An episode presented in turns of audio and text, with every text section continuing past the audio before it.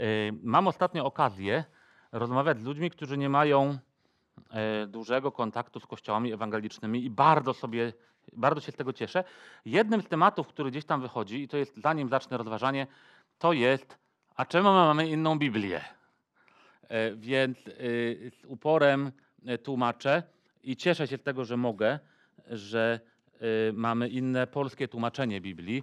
I zaraz będziemy to ćwiczyć, bo wy będziecie czytać Biblię Warszawską z ekranu, a ja e, Biblię w przekładzie Ewangelicznego Instytutu Biblijnego. Ale to jest o tyle fajne, że możemy, że czytając z różnych przekładów, już nie wchodzę w to, że tam powiększa nam się nasze, nasze, na- jakaś perspektywa inna, ale że możemy potem o tym powiedzieć ludziom, którzy nie wiedzą o tym, że to, co mają przed sobą, ten tekst po polsku, to nie jest Słowo Boże tak, jak Bóg przyszedł i, i, i tym drukarzom e, w drukarni podał, tylko to jest polskie tłumaczenie. Więc dla niektórych, być mo- prawdopodobnie dla wszystkich tutaj to jest oczywiste, ale dla niektórych moich rozmówców było to niemalże odkryciem, że Bóg nie podał Biblii e, po polsku. E, Trochę oczywiście wartuje. Niby wszyscy wiedzą, spośród moich rozmówców również, że, że ta Biblia miała jakieś tam języki oryginalne, z których polski niekoniecznie się do nich zalicza, ale warto się dzielić czasem oczywistościami, e, bo dla niektórych to nie jest oczywiste i powiem wam, oddam taką, tak, uchylę rąbek tajemnicy, dla mnie też kiedyś nie było. I nie, jak nigdy sobie nie zadałem pytania, a co ta Biblia, która stoi i się kurzy e, e, w domu na półce, e, w jakim ona tam była języku podana, a kogo to obchodzi. No w końcu mnie zaczęło obchodzić. Także dzielmy się tym, co jest dla nas oczywiste.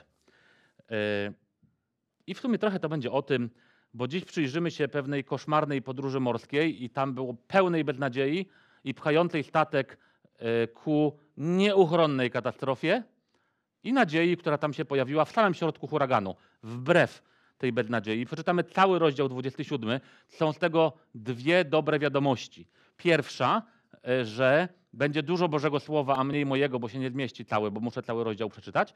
A druga, przepchniemy się znów przez bardzo długi kawałek tekstu dziejów apostolskich i prawie, że docieramy do 20, znaczy dziś dotrzemy, ale tylko zapukamy do 28 rozdziału, ostatniego rozdziału dziejów apostolskich. Uwaga, uwaga, wspólnota, radość.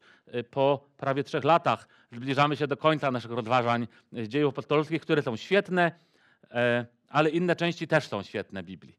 Więc e, dziś przepłyniemy przez, przez e, cały 27 rozdział, a na końcu się rozbijemy, ale mam nadzieję, że nadzieja jakaś w tym będzie. Bo cały ten rozdział brzmi tak, jak był scenariuszem thrillera Alfreda Hitchcocka. Dla młodszej części naszego zboru thriller to, wiecie co to jest, Alfred Hitchcock to taki gościu, który robił najlepsze, najlepsze thrillery, zanim weszły Gwiezdne Wojny.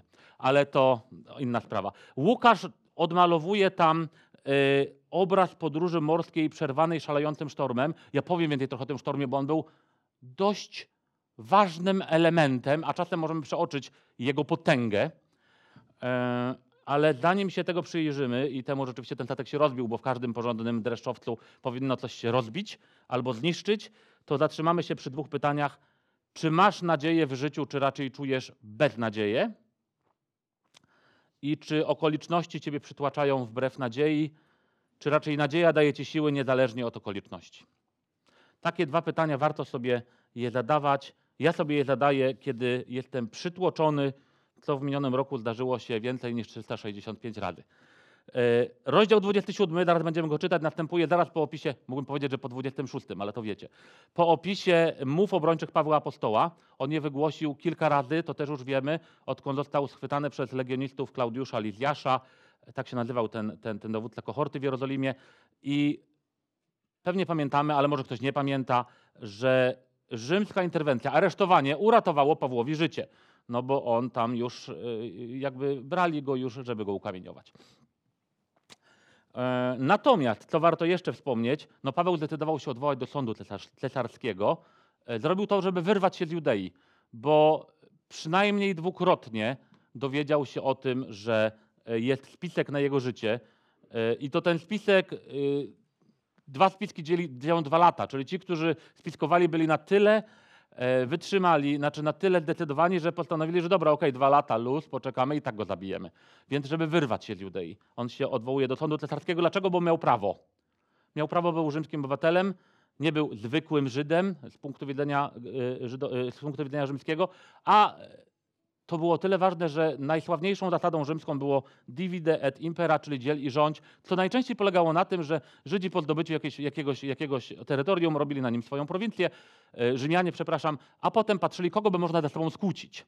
I robili to na tyle skutecznie, że często te stronnictwa się zwalczały. W, w, Izraelu, znaczy w Judei było to bardzo widoczne, zwalczające się stronnictwa, a kiedy stronnictwa się zwalczają, to swoją, swój czas i swoje talenty zużywają do walki między sobą, a nie z Rzymianami. I Rzymianie ten, w ten sposób budowali, budowali potężny kraj i wiemy z lekcji historii, że całkiem nieźle im to szło. E, Paweł był uwięziony przez kilka lat i był bezpieczny stosunkowo. Natomiast no to jego bezpieczeństwo zależało od tego, wyobraźcie sobie teraz, że jesteście takim namiestnikiem Judei i co chwila wam ci Żydzi się buntują, to jedni, to drudzy, to wy ich tam nasyłacie jedni na drugich. No i tak, kurczę, tak, no wiecie, no jest niebezpiecznie. Więc bezpieczeństwo Pawła zależało od tego, czy któryś z następnych, e, bo y, następowali po sobie namiestnicy rzymscy, czy któryś z następnych namiestników nie dojdzie do wniosku, no ten Paweł, to jakby go wydać tym, tym Żydom, to nawet bym zyskał u nich punkty. I czytamy o tym, że Festus, czyli kolejny namiestnik, który nastał, e, nastał w Judei, zastanawiał się, czy nie wznowić procesu z udziałem Wysokiej Rady. I to właśnie, bo on szukał możliwości wzmocnienia swojej pozycji, żeby był, żeby był fajnym Festusem dla Żydów, fajnym namiestnikiem rzymskim, to wyda im heretyka i będzie dobrze. I Paweł to widzi i odwołuje się do cesarza rzymskiego. Bo może, tak jak powiedziałem. I cały ten rozdział, który za chwilę będę czytał, e, opisuje część tej podróży, ja będę czytał, tak jak powiedziałem, z Ewangelicznego Instytutu Biblijnego z przekładu. E, czytajcie z tego, który, który macie, który lubicie. Na ekranach będzie Biblia Warszawska. Czytamy zatem. 27 rozdział Dzieje Apostolskie. Kiedy już postanowiono, że mamy płynąć do Italii, przekazano Pawła i kilku innych więźniów niejakiemu Juliuszowi, setnikowi z kohorty czcigodnego. Weszliśmy więc na statek adramytański, który miał płynąć do portów Azji i wyruszyliśmy w drogę, mając za sobą Arystarchosa, Macedończyka z Tesalonik. Następnego dnia przybyliśmy do Sydonu. Juliusz potraktował tam Pawła przyjaźnie, pozwolił mu pójść do przyjaciół i skorzystać z pomocy. Stamtąd płynęliśmy pod osłoną Cypru, ponieważ wiatry były przeciwne. Po przebyciu otwartego morza na wysokości Cylicji i Pamfilii przybyliśmy do Myry w Licji. Tam setnik znalazł statek aleksandryjski, który płynął do Italii i umieścił nas na nim. Płynęliśmy powoli, żegluga zajęła wiele dni. Z trudem dotarliśmy na wysokość Knidos. Wiatr nie pozwalał nam posuwać się naprzód, dlatego płynęliśmy pod osłoną Krety na wysokość Salmone. Przemieszczając się z trudem wzdłuż wyspy, dobiliśmy do pewnego miejsca o nazwie Dobre Porty w pobliżu miasta Lasea. Umknęło nam sporo czasu. Okres postu minął i ze względu na porę żegluga stawała się niebezpieczna. Dlatego Paweł ostrzegł: Panowie, Wiem z doświadczenia, że jeśli teraz wyruszymy, będzie to ze szkodą i wielką stratą nie tylko dla ładunku i statku, ale również dla naszego życia. Setnik jednak bardziej ufał sternikowi i właścicielowi statku niż temu, co mówił Paweł. A ponieważ przystań nie nadawała się do przezimowania, większość postanowiła, aby stamtąd odpłynąć i o ile można, dostać się do Feniksu, by spędzić zimę w porcie na Krecie, na otwarty, otwartym na południowy i północny zachód. Gdy więc powiał łagodny wiatr z południa, sądząc, że dopnął celu, podnieśli kotwicę i wyruszyli w kierunku Krety. Jednak niedługo potem uderzył od jej strony huraganowy wiatr zwany Eurakylon. Statek został porwany, nie mógł sprostać sile huraganu. Zdaliśmy się zatem na wiatr i pozwoliliśmy się unosić. Pędząc pod osłoną wysepki zwanej Kauda, z trudem zdołaliśmy zabezpieczyć łódź ratunkową. Została wciągnięta na pokład, a lin podtrzymujących użyto do opasania statku.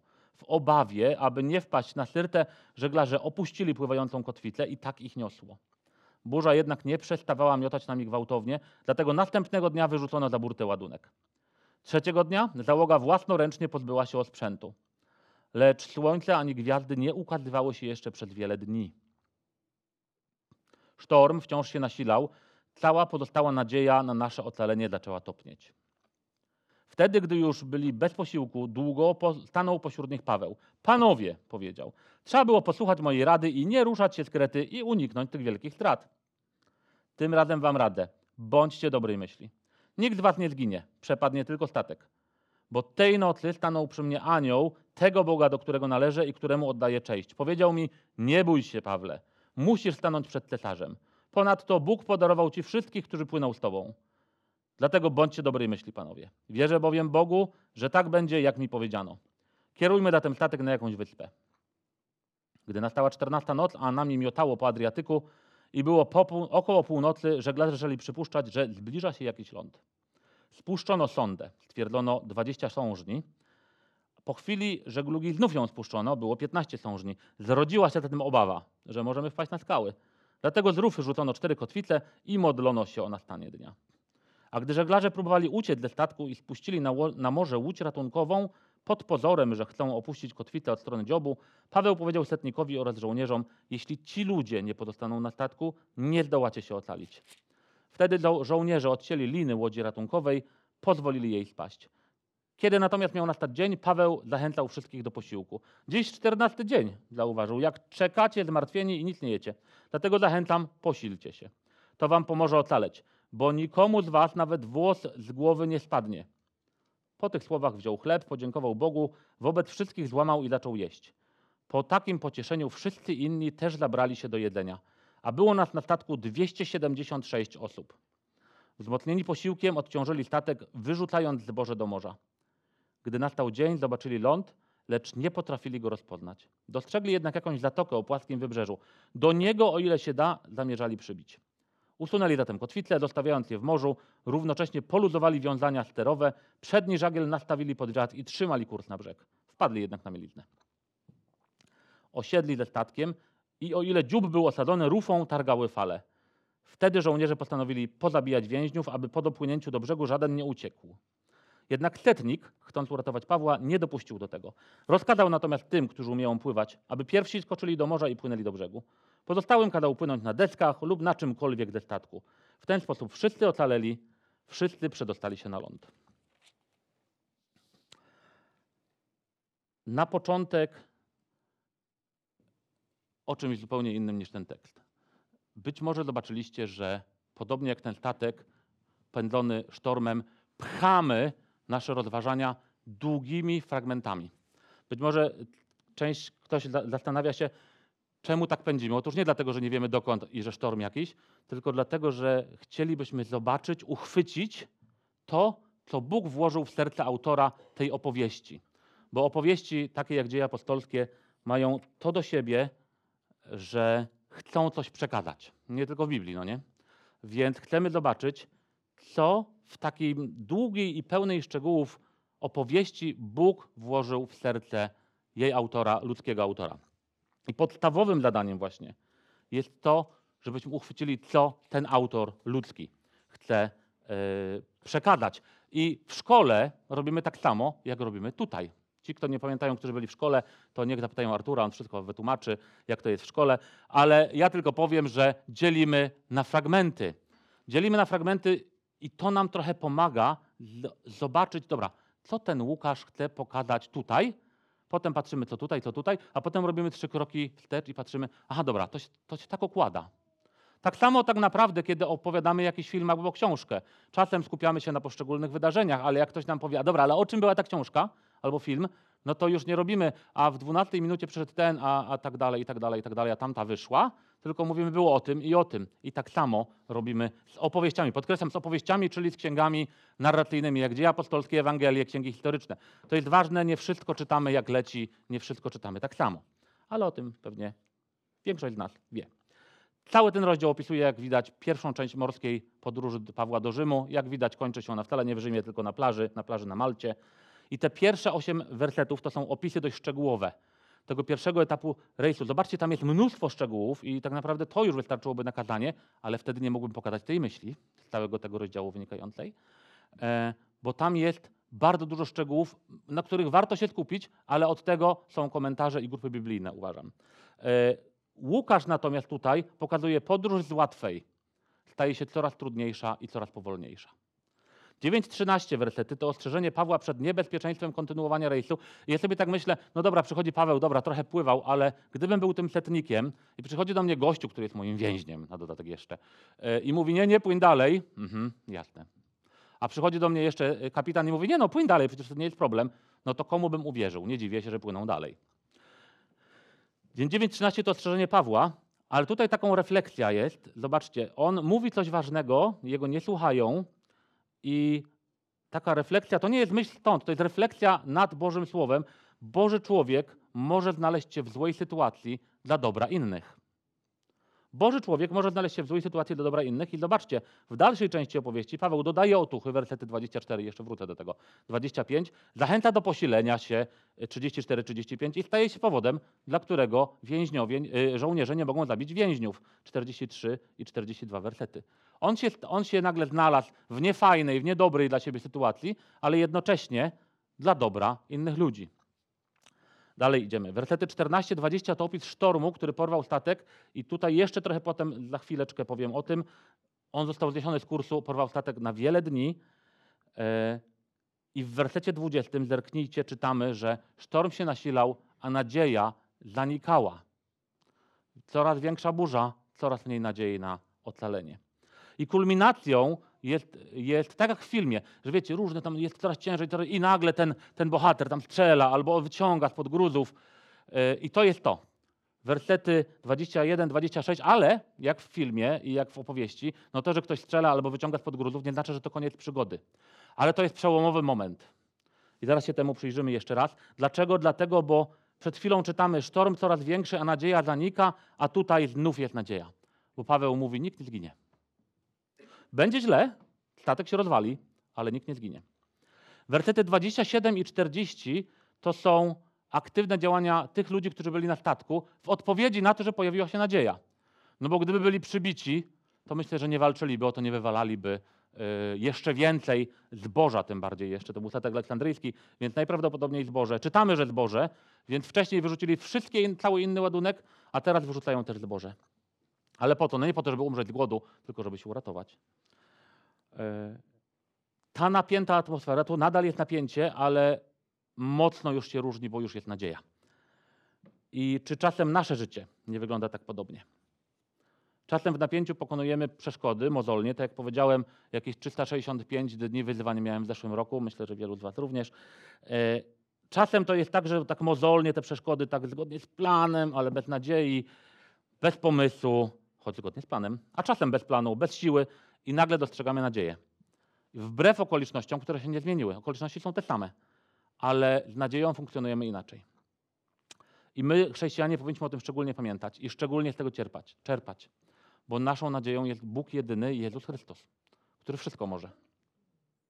E, co więcej, cokolwiek, co nas spotyka w życiu, niech nas tej nadziei nie pozbawi, bo nadejdą dni, kiedy Bóg wszystko poukłada. Nie wiem jak, ale nadejdą. W końcu wersety 41-44, rozwiązanie tej części opowiadania, wiecie, już idą prawie że napisy końcowe w filmie. Zgodnie ze słowami Pawła, które przekazał mu anioł, statek ulega zniszczeniu, ale cała załoga i wszyscy pasażerowie ratują się i docierają na brzeg Malty. Z tego też będzie dla nas ciekawa nauka. Zaraz wam pokażę, bo teraz czytamy, no dobra, Bóg tak powiedział, tak się stało, no ha, no i co z tego? Znaczy to normalne, zawsze tak jest. Ale to za chwilę. Po co w ogóle to robimy i to robimy z uporem maniaka na kazaniach naszych tutaj na rozważaniach, przedstawiamy strukturę.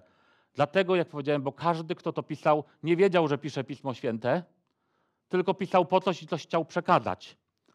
E, natomiast wiemy i wierzę, że Duch Święty osobiście czuwał nad Łukaszem. Nie wiem, jak to było, jaki był mechanizm tego natchnienia, ale natchnął go, by Łukasz napisał to, co napisał i gdy to schwycimy, i to chcę powiedzieć dobitnie, przyglądając się Bożemu Słowu, możemy uchwycić Bożą myśl. Tak jakby zatrzymać się i Bóg nagle do nas mówi. To jeżeli to uchwycimy, zatrzymamy się i damy się, na chwilę przestaniemy biec za naszymi przekonaniami, to nie jest wcale takie łatwe, ale zobaczymy, gdzie nas ten tekst prowadzi, to nagle wow, i to jest spotkanie z Bogiem. Boża myśl, pasjonujące. Właśnie dlatego tak przemknąłem nad opisem tego i większości rejsu, bo osobiście uważam, że opisy, i tutaj mamy tak, była kohorta czcigodnego, a to, to jest kohorta czcigodnego, to tylko uchylę e, e, rąbka tajemnicy, to nie jest wcale jakiś specjalny oddział, u, prawie spadłem, jakiś specjalny oddział cesarski, kilka kohort tak się nazywało, kilka oddziałów tak się nazywało i tyle. Potem można by czytać, a co to jest statek adrymatejski, adramyteński, a że raczej czy to mały, czy duży i tak dalej, że zatrzymali się i, i jacyś ludzie pomogli Pawłowi, przyjaciele, być może Kościół, ale uważam osobiście, że to kazanie wyczerpałoby was, a nie temat i niekoniecznie wtedy byłoby dobrze. E, I można sobie to poczytać z komentarzy lub na grupach biblijnych, a my spróbujmy uchwycić tutaj dzisiaj Bożą myśl zawartą w tym fragmencie, spotkać się z Bogiem w tym momencie. Dobra. Czytamy więc opis rejsu, widzimy sztorm, żeglarze wyrzucają za burtę ładunek, robią coś, czego y, nie powinni zrobić. Ja chcę tylko tak, bo tak przechodzimy nad tym. Ale nie wiem, jak, czy macie takie przekonanie, ale generalnie wynajmuje się statek po to, żeby przewiózł moje ładunek z tego portu do tamtego i liczę, że y, tam będzie ten mój ładunek, a nie na dnie morza. Żeglarze robią coś, czego zrobić absolutnie nie powinni, ale całkiem słusznie w trosce o swoje życie wybierają utopienie towaru, a nie siebie. Natomiast chcę podkreślić, to nie jest normalne, ale też sytuacja jest wyjątkowa. I czytamy teraz, skupmy się na tym środku tego fragmentu. Zobaczcie, 20-21 wersety. Przeczytam. Słońce ani gwiazdy nie ukazywały się jeszcze przez wiele dni. Sztorm się nasilał, cała pozostała nadzieja na ocalenie zaczęła topnieć. Nie wiem, czy tak macie czasem, że tracicie nadzieję, miewam tak. Czy czujecie, że kłopoty, które was przyciskają, tak was w końcu przycisną, że już nie wstaniecie? Miewam tak. I to jest właśnie ten moment, który tu Łukasz opisuje. I do tego jeszcze przystąpił Paweł i powiedział, a nie mówiłem? Przecież mówiłem, że tak będzie.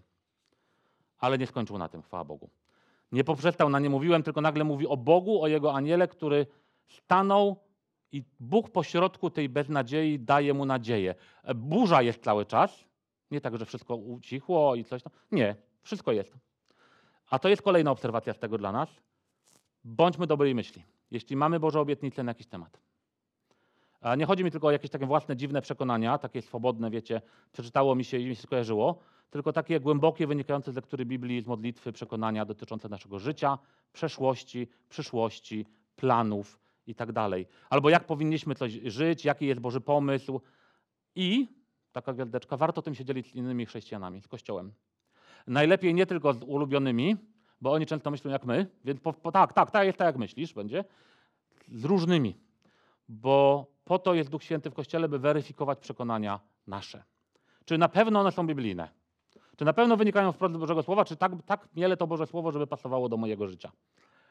I szczególnie w takich czasach jak dziś, niedaleko szaleje wojna i przyszłość jeszcze jest bardziej niejasna niż wydawała się dwa lata temu, a myśleliśmy dwa lata temu, jak będzie COVID. Znaczy jak COVID startował, to o, koniec świata. Dziś widzimy, że COVID przeminął, jest jeszcze oczywiście, ale już jakoś sobie z tym radzimy jako ludzie, a tu nagle największa wojna od czasów II wojny światowej w Europie. Nie wiadomo, jak się potoczą moje losy, ale w wiecznej perspektywie jestem całkiem bezpieczny. I dla mnie osobiście jest to ważne, za kilka dni jadę szósty raz na Ukrainę, zakładam, że wrócę. E, to jednak jakaś niepewność jest. I wtedy właśnie mówię sobie, bądź dobrej myśli, Bóg czuwa nad wszystkim, niezależnie od tego, co się wydarzy. I apostoł zdaje się nie mieć żadnych wątpliwości. Przypominam, na zewnątrz nie piękna pogoda, nie jacht i drink ze słomką, tylko cały czas szaleje. Nie widać nieba. 14 dni. Jest szaro generalnie, albo ciemno. E, a oto Paweł mówi, no nie no, no anioł Boży powiedział, że mam stanąć przed cesarzem, no to stanę. To znaczy przeżyję. A jeszcze powiedział mi, że wy ze mną też przeżyjecie. Statek nie, ale wy tak. To jest kolejna obserwacja. Bo widzimy za chwilę, że ci ludzie zaczynają działać. Nasza nadzieja, nasza wiara może dodawać otuchy także innym, nie tylko nam samym. Zastanówmy się zatem, czy dzielimy się naszą wiarą, naszą nadzieją, którą mamy w Jezusie. Mi się to zdarza i to jest w ogóle niesamowite jak ludzie reagują pozytywnie na to. Niektórzy oczywiście się kłócą, ale trudno. Ale mówię, że są tacy, którzy reagują pozytywnie na nadzieję, którą mam w Jezusie. I wiem, że jest to również waszy, niektórych z was doświadczeniem. I tu nie chcę nikogo wprawić za kłopotanie, to nie jest darne rozliczenie czy zarzut, to pytanie niech będzie zachętą dla nas wszystkich. Skoro my mamy nadzieję i nadzieję w Jezusie, ta nadzieja dodaje nam otuchy. Paweł miał nadzieję w Bogu i nadzieja dodawała mu otuchy, dodała innym, to i nasza doda innym. Proste rozumowanie. Zresztą po, po, nie tylko to też, są, to też jest doświadczenie nasze, wielu z nas. Warto się zatrzymać tutaj i podkreślić, dlaczego te wersety uważam, że są kulminacją. Co to oznacza? Zerknijmy. Do tego momentu wzrastało napięcie, nie było żadnej nadziei na ratunek i wczujmy się w sytuację. I teraz wam pokażę trochę liczb, bo mnie liczby przekonują. Jakbym miał mapę, to bym wam tu wyrysował, ale nie mam. Ale opowiem. Słuchajcie, tych dobrych portów na Krecie do Feniksu, też na Krecie, oni płynęli, jest 65 kilometrów. To tak, zależnie od tego, czy ten statek by się wlókł, czy płynął szybciej, to to by był jeden do dwóch dni rejsu. Dwóch dni takiego, wiecie, ojej, jak płynie wolno, tutaj ten wiatr ledwo dmie. 65 kilometrów. Tymczasem huragan porwał statek na 14 dni i z opisu, z tych nazw, które tam padają, e, widzimy, że przepchnął go najpierw na południowy zachód, potem na zachód i na północny zachód około 1000 kilometrów.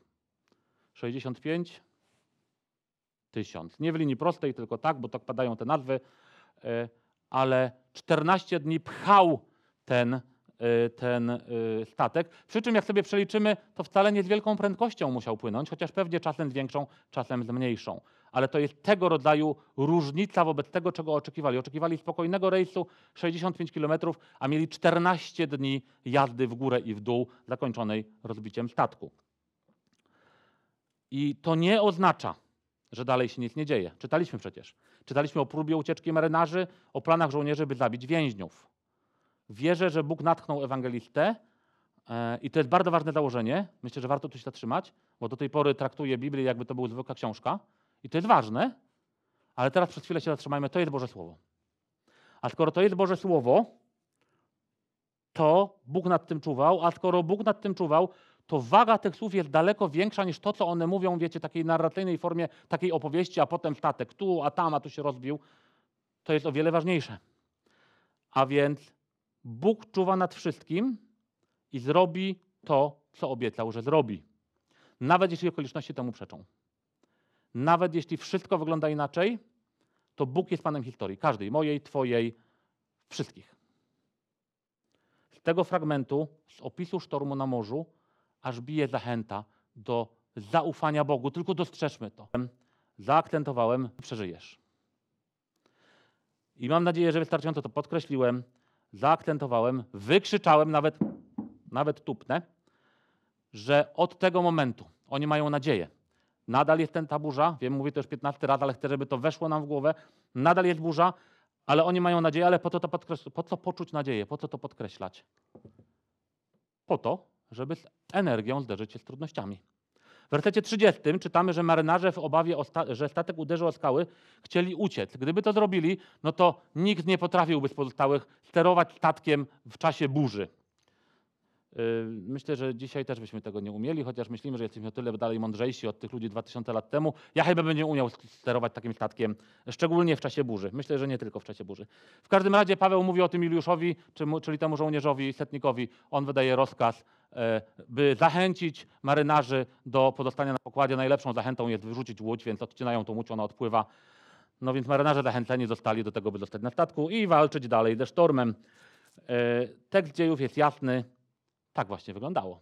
A dlaczego oni to zrobili? Myślę, że gdyby byli przybici beznadzieją, to może nawet nie, nie zareagowaliby. No dobra, uciekają, to uciekają. Albo być może ci żołnierze stwierdziliby, nie, nie, nie, oni nie uciekają, to my uciekamy. Zabiliby marynarzy i sami wzięli tą łódkę i zginęli w łódce. Yy, ale nie wiemy, to jest gdybanie. Natomiast to, co widzimy, widzimy sensowne działanie. Paweł mówi, oni uciekną, jak oni uciekną, to my zginiemy, więc bam, bam, bam, nie dajemy im uciec. Jest nadzieja na ocalenie nagle. I poboczny wątek. Znowu, Paweł, mając nadzieję, udziela jej innym. W efekcie tutaj mamy takie, nie wiem, czy zwróciliście uwagę, że oni przez 14 dni nie jedli, tam jest napisane. Myślę, żeby poumierali, gdyby 14 dni nie jedli, ale najprawdopodobniej oznacza to, że przynajmniej większość z nich miała chorobę morską. Przez większość lub jakąś część tego czasu, więc coś może zjedli, ale ryby zaraz się tym najadły. Więc oni po prostu, większość tych ludzi to nie byli marynarze, byli pewnie wycieńczeni sztormem wielodniowym. I Paweł im mówi, że ej, dobra, spróbujcie coś zjeść, napijcie się, najedzcie, bo, bo musimy mieć siłę, żeby przeżyć. I 276 osób. To nam pokazuje też, jaki duży był ten statek. To nie była taka łupinka, to był bardzo wielki, jak na ówczesne warunki statek. 276 e, osób wywala zboże, czyli jedzenie do morza. To też pokazuje, że e, oni mieli nadzieję. Ta nadzieja przechodzi z jednego człowieka na innych. I refleksja dla nas. Nasza postawa oddziałuje na innych. Możemy ich budować naszą nadzieją albo dołować beznadzieją.